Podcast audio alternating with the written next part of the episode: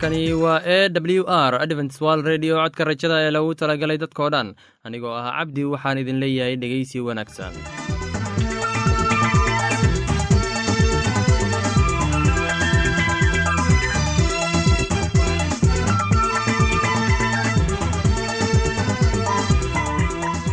barnaamijyadeena maanta waa laba qaybood. Qaybta kuwaad waxaad ku maqli doontaan barnaamijka nolosha qoyska. Kadib waxaa inoo raaci doonaa cashar inaga yimid bugga nolosha. Dhegeystayaasheenna qiimaha iyo qadarinta mudano waxaan filayaa inaad si habboon u dhegeysan doontaan. Daba haddii aad qabto wax su'aal ama talo iyo tusaale oo ku saabsan barnaamijyadeena maanta fadlan inala soo xiriir. Dib ayaynu kaga sheegi doonaa ciwaanka yagu balse intaynan u guuda gelin barnaamijyadeena xiisaa leh. Waxaad marka hore ku soo dhowaataan. Heestan daabacsan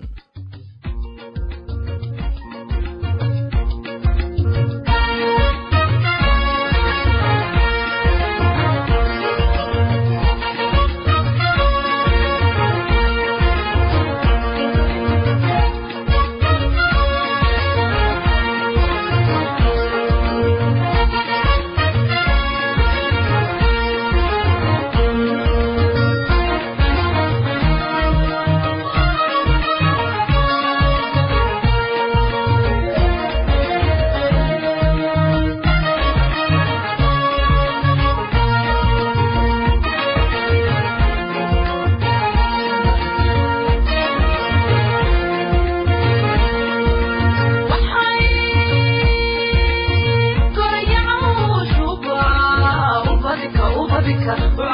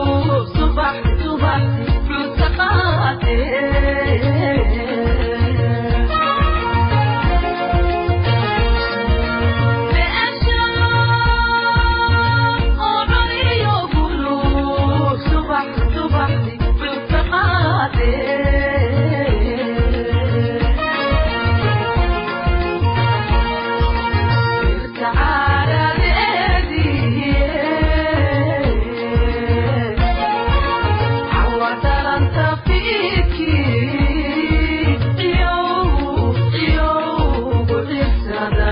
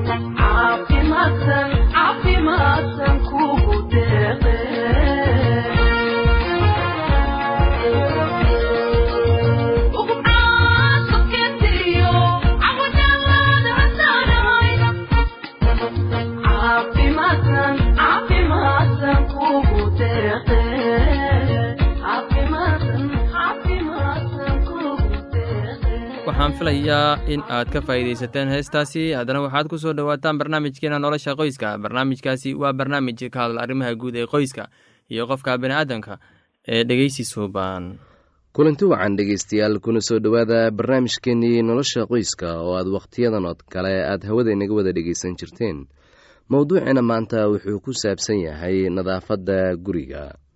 Anigoo ah cabdi waxaan idin leeyahay dhammaantiinba dhegeysi wacan nadaafadda sidaan wada ognahay ma ahan mid rabbaani ah ee waa howl u baahan in la qabto.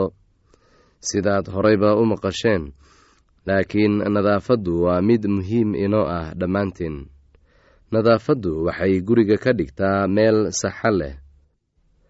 Nadaafadda guriga ma aha mid rabbaani ah ee waa howl u baahan in la qabto si guriga looga dhigo mid nadiif u ah oo odayga iyo carruurtaba ay u jeclaystaan oo ay mar walba u soo hiloobaan.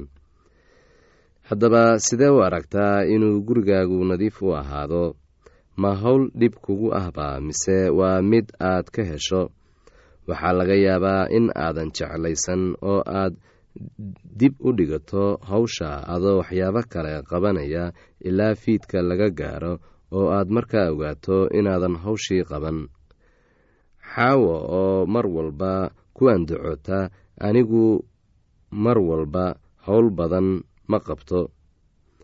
Oo marka aan qabtana maalinta xigta gurigu wuxuu noqdaa wasaq. Anigu waxaan leeyahay guri qurux badan laakiin garan maayo sidii aan si fiican ugu nadiifin lahaa. Haweeneyda xaawo la yidhaahdo way saxan tahay waayo gurigu mar walba nadiif ma ahaan karo.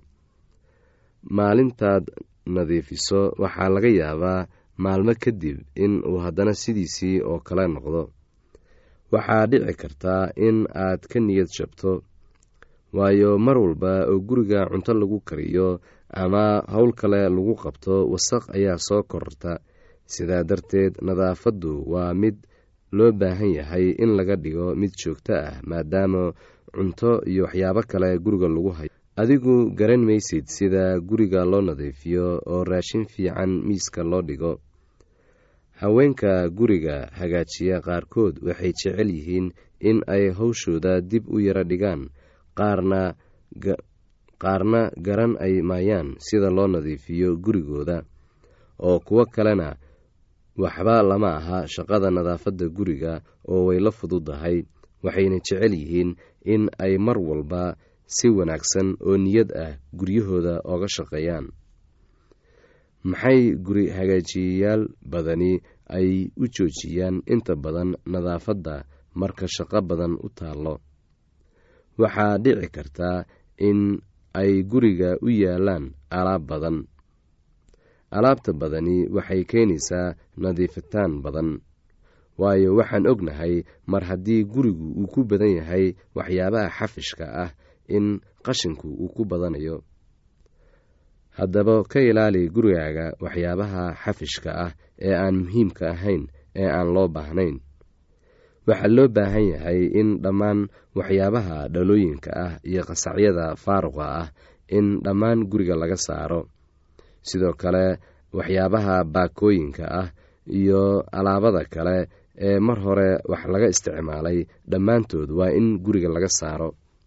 Nadaafadda ka sokow waxa ay qaadanayaan sbacekii guriga. Haddii aadan rabin in aad mar walba aad raalli geliso marka dadka ku soo booqdo sidan soo socoto ayaa ah sidii aad gurigaaga u nadiifin lahayd laakiin habka guriga loo nadiifiyo waxaa aad uga muhiimsan dabeecaddaada ka raalli ahaanshaha ee ah waxa aad haysato iyo ammaanta reerkaaga. Markaa kadib ayaad u diyaar garoobi kartaa shaqada. Marka aad aragto guri nadiif ah ee aad ku hagaajisay kartidaada shaqsi ahaaneed waxaa jira saddex siyaabood oo aad gurigaaga ku nadiifin karto. Waxaad u baahan tahay in aad xushmayso hawsha la qabanayo in aad isku keento qalabka aad hawsha ku qabanayso iyo ugu dambeyntii in aad shaqada bilowdo. Haddaba waxaa loo baahan yahay in mar walba aad hawsha qabato si aysan kugu badan.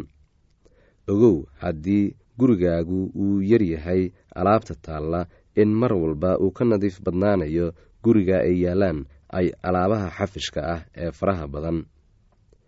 Mar walba waxaa loo baahan yahay in waxyaabaha wasaqda ah aad ku ururiso meel loogu talagalay sida dembiil qashinka lagu ururiyo oo kale.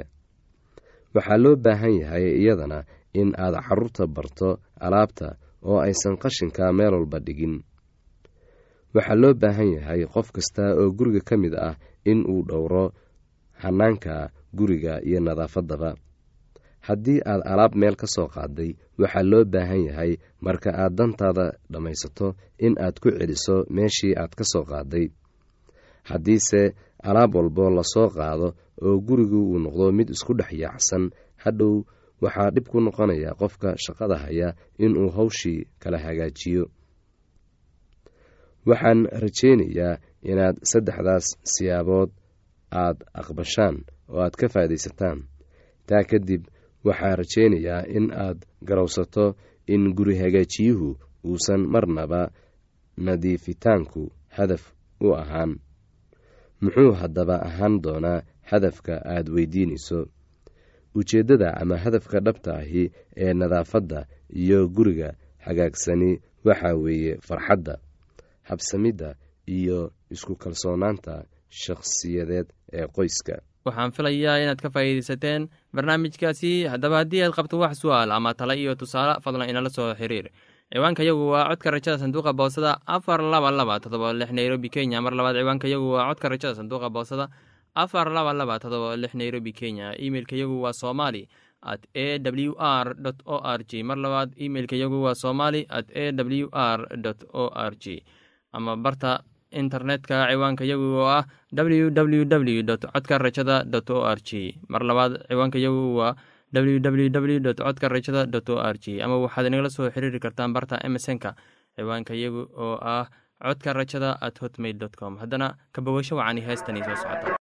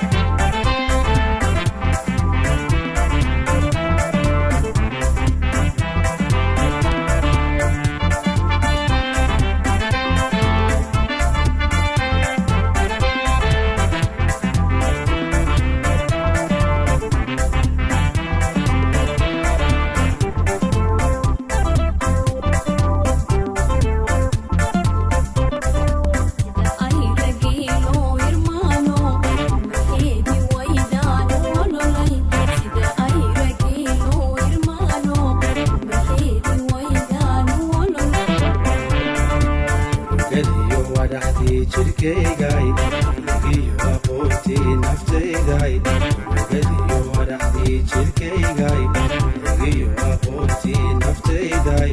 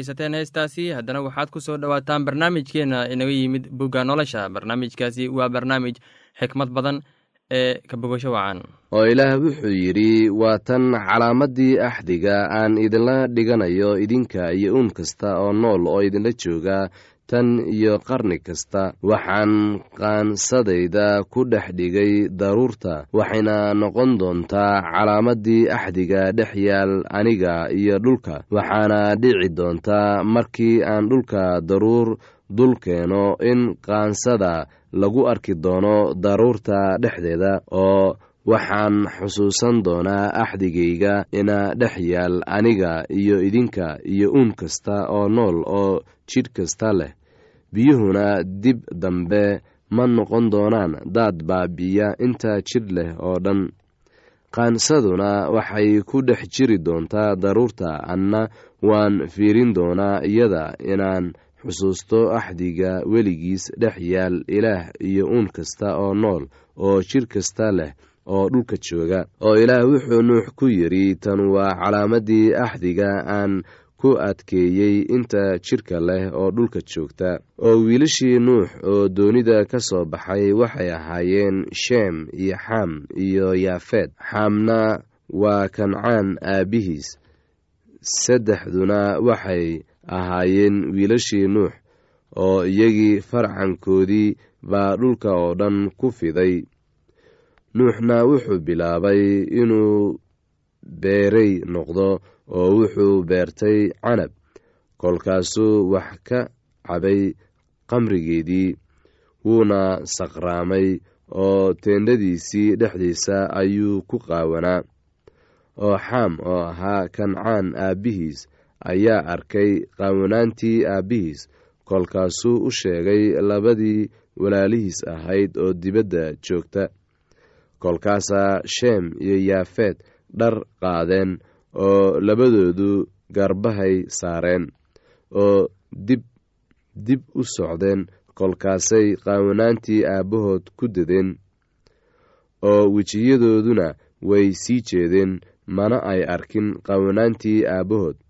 Nuuxna qamrigiisii wuu ka soo miyirsaday wuuna ogaaday wixii wiilkiisu yaru ku sameeyey kolkaasuu yidhi inkaaru ha ku dhacdo kancaan addoonkii addoommadu u noqon doonaa walaalihiis oo wuxuu yidhi ammaanu ha ahaato rabbiga ah ilaaha sheem kancaanna addoon ha u noqdo. Ilaah ha fidiyo yaafeed hana dego teendhooyinka sheem kancaanna addoon ha u noqdo isaga. Nuuxna daadka kadib wuxuu sii noolaa saddex boqol iyo konton sannadood wakhtigii nuux noolaa oo dhammu waxay ahaayeen sagaal boqol iyo konton sadood sannadood dabadeedna wuu dhintay. Haddaba kuwanu waa farcankii wiilashii nuux. Kuwaas oo ahaa sheem xam iyo yefeed iyo wiilal baa u dhashay iyagii dadkii dabadiis. Wiilashii yaafeed waxay ahaayeen gomer iyo majuuj iyo madey iyo yawan iyo tubal iyo meshek iyo tiras wiilashii gomerna waxay ahaayeen ashkenes iyo rifat iyo tagarmad. Wiilashii yawana waxay ahaayeen elishah iyo tarshiish iyo takiim iyo dodanim kuwaasay gasiiradihii qurumaha ugu kala qaybsameen wadamadoodii dad kasta sidii afkoodii iyo qabiilooyinkoodii iyo qurumahoodii ay ahaayeen. Wiilashii xamna waxay ahaayeen kuush iyo misrayim iyo food iyo kancaan. Wiilashii kuushna waxay ahaayeen seba iyo xawila iyo sabtah iyo racmah iyo sebteka. Wiilashii ramcaana waxay ahaayeen sheba iyo dedan kuushna wuxuu dhalay nimrood wuxuuna bilaabay inuu noqdo mid dhulka xoog weyn ku leh. Wuxuu ahaa ugaarsade ku xoog weyn rabbiga hortiisa. Taas daraaddeed waxaa la yidhaahdaa sidii nimrood ugaarsade xoog weyn rabbiga hortiisa ku noqo. Bilowgii boqortooyadiisu waxay ahayd baabel iyo ereg iyo akaad iyo kanleh waxayna ku yiileen waddankii shincaar. Dhulkaas wuu ka tegey oo wuxuu galay ashuur wuxuuna dhisay ninewe iyo rexbood iyo kala iyo resen oo u dhashay nehwe iyo kala taasuna waxay tahay magaalada weyn. Misrayimna wuxuu dhalay ludiin iyo canaamiin iyo lahabiin iyo naftuxiim iyo fatrusiim iyo kalsuxiim oo ay reer falastiin ka yimaadeen iyo kaftoriim kancaanna wuxuu dhalay sidom oo ahaa curadkiisii iyo xeed iyo reer yebus iyo reer amor iyo reer girshaash iyo reer xiwi iyo reer caqri iyo reer sini iyo reer arwaad iyo reer semar iyo reer xamaad dabadeedna qabiilooyinkii kancaan way kala firdheen oo soohdintii reer kancaan waxay ka bilaabmaysay sidon markii loo kaco xagga geeraar ilaa gasa oo markii loo kaco xagga sodom iyo gomora iyo adna iyo siboyin ilaa laashac kuwanu waxay ahaayeen wiilashii xam sidii qabiilooyinkoodii iyo afafkoodii iyo waddamadoodii iyo qurumahoodii ay ahaayeen. Heestaasi iyo casharka buugga nolosha ayaanu ku soo gabgabayneynaa barnaamijyadeena maanta. Halkaad inaga dhegeysanaysaan waa laanta afka soomaaliga ee codka rajada ee loogu talagalay dadka dhan. Haddaba haddii aad doonayso inaad wax ka faa'iidaysataan barnaamijyadeena sida barnaamijka caafimaadka barnaamijka nolosha qoyska iyo barnaamijka kitaabka quduuska fadlan inala soo xiriir. Ciwaanka yagu waa codka rajada sanduuqa boosada afar laba laba todoba lix nairobi kenya. Mar labaad ciwaanka yagu waa codka rajada sanduuqa boosada afar laba laba todoba lix nairobi kenya. Emeilka yagu waa somali at a w r o r g. Mar labaad imeilka yagu waa somali at a w r o r g. Ama emesonka oo ah codka rajada at hotmail com. Mar labaad emesonka yagu waa codka rajada at hotmail com. Ama barta internetka ayaad ka akhrisan kartaan barnaamijyadeena iyo ka maqasha sida w w w dot codka rajada dot o g dhegeystayaasheena qiimaha iyo qadarinta mudan oo barnaamijyadeena maanta waa naga tan iyo intaynu hawada dib ugu kulmayno. Waxaan idin leeyahay sidaas iyo ammaano allah